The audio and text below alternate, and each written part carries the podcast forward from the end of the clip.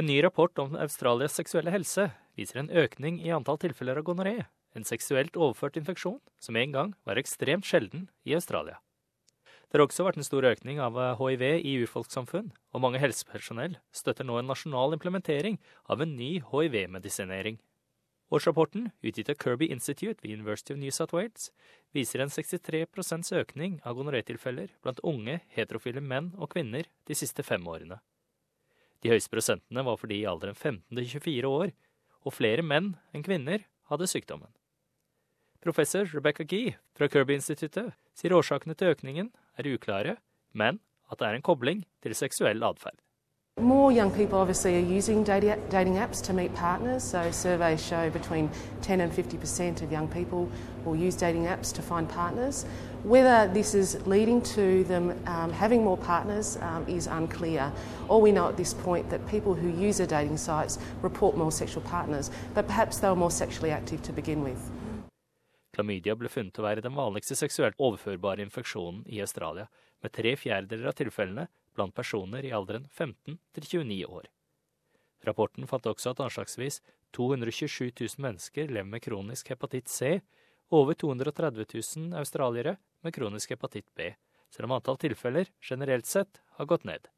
Mens antall nye hiv-diagnoser i Australia forblir stabile, har det vært en dobling i frekvensen av hiv-tilfeller blant urfolksaustraliere sammenlignet med ikke-urfolksaustraliere gjennom heteroseksuell sex eller ved injeksjon av narkotika. Dr. Darren Russell, leder av Cairns seksuelle helsetjeneste, sier økningen begynte i 2012.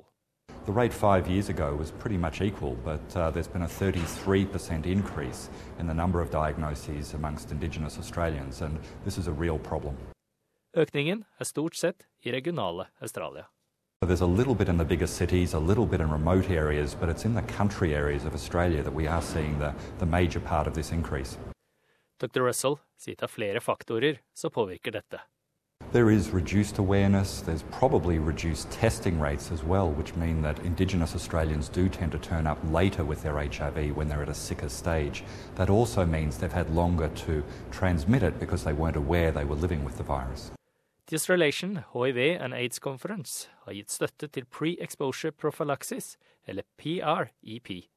PREP er et nytt hiv-forebyggende stoff som brukes av mange mennesker i LGBTQI-fellesskapet. En daglig dose av PREP vil redusere en persons sjanse for å bli smittet, og det kan også stoppe spredningen av hiv. Professor Martin Holt, prosjektleder for periodiske undersøkelser og homofile samfunn, sier at PREP brukes for øyeblikket hovedsakelig av LGBTQI-samfunnet i landet.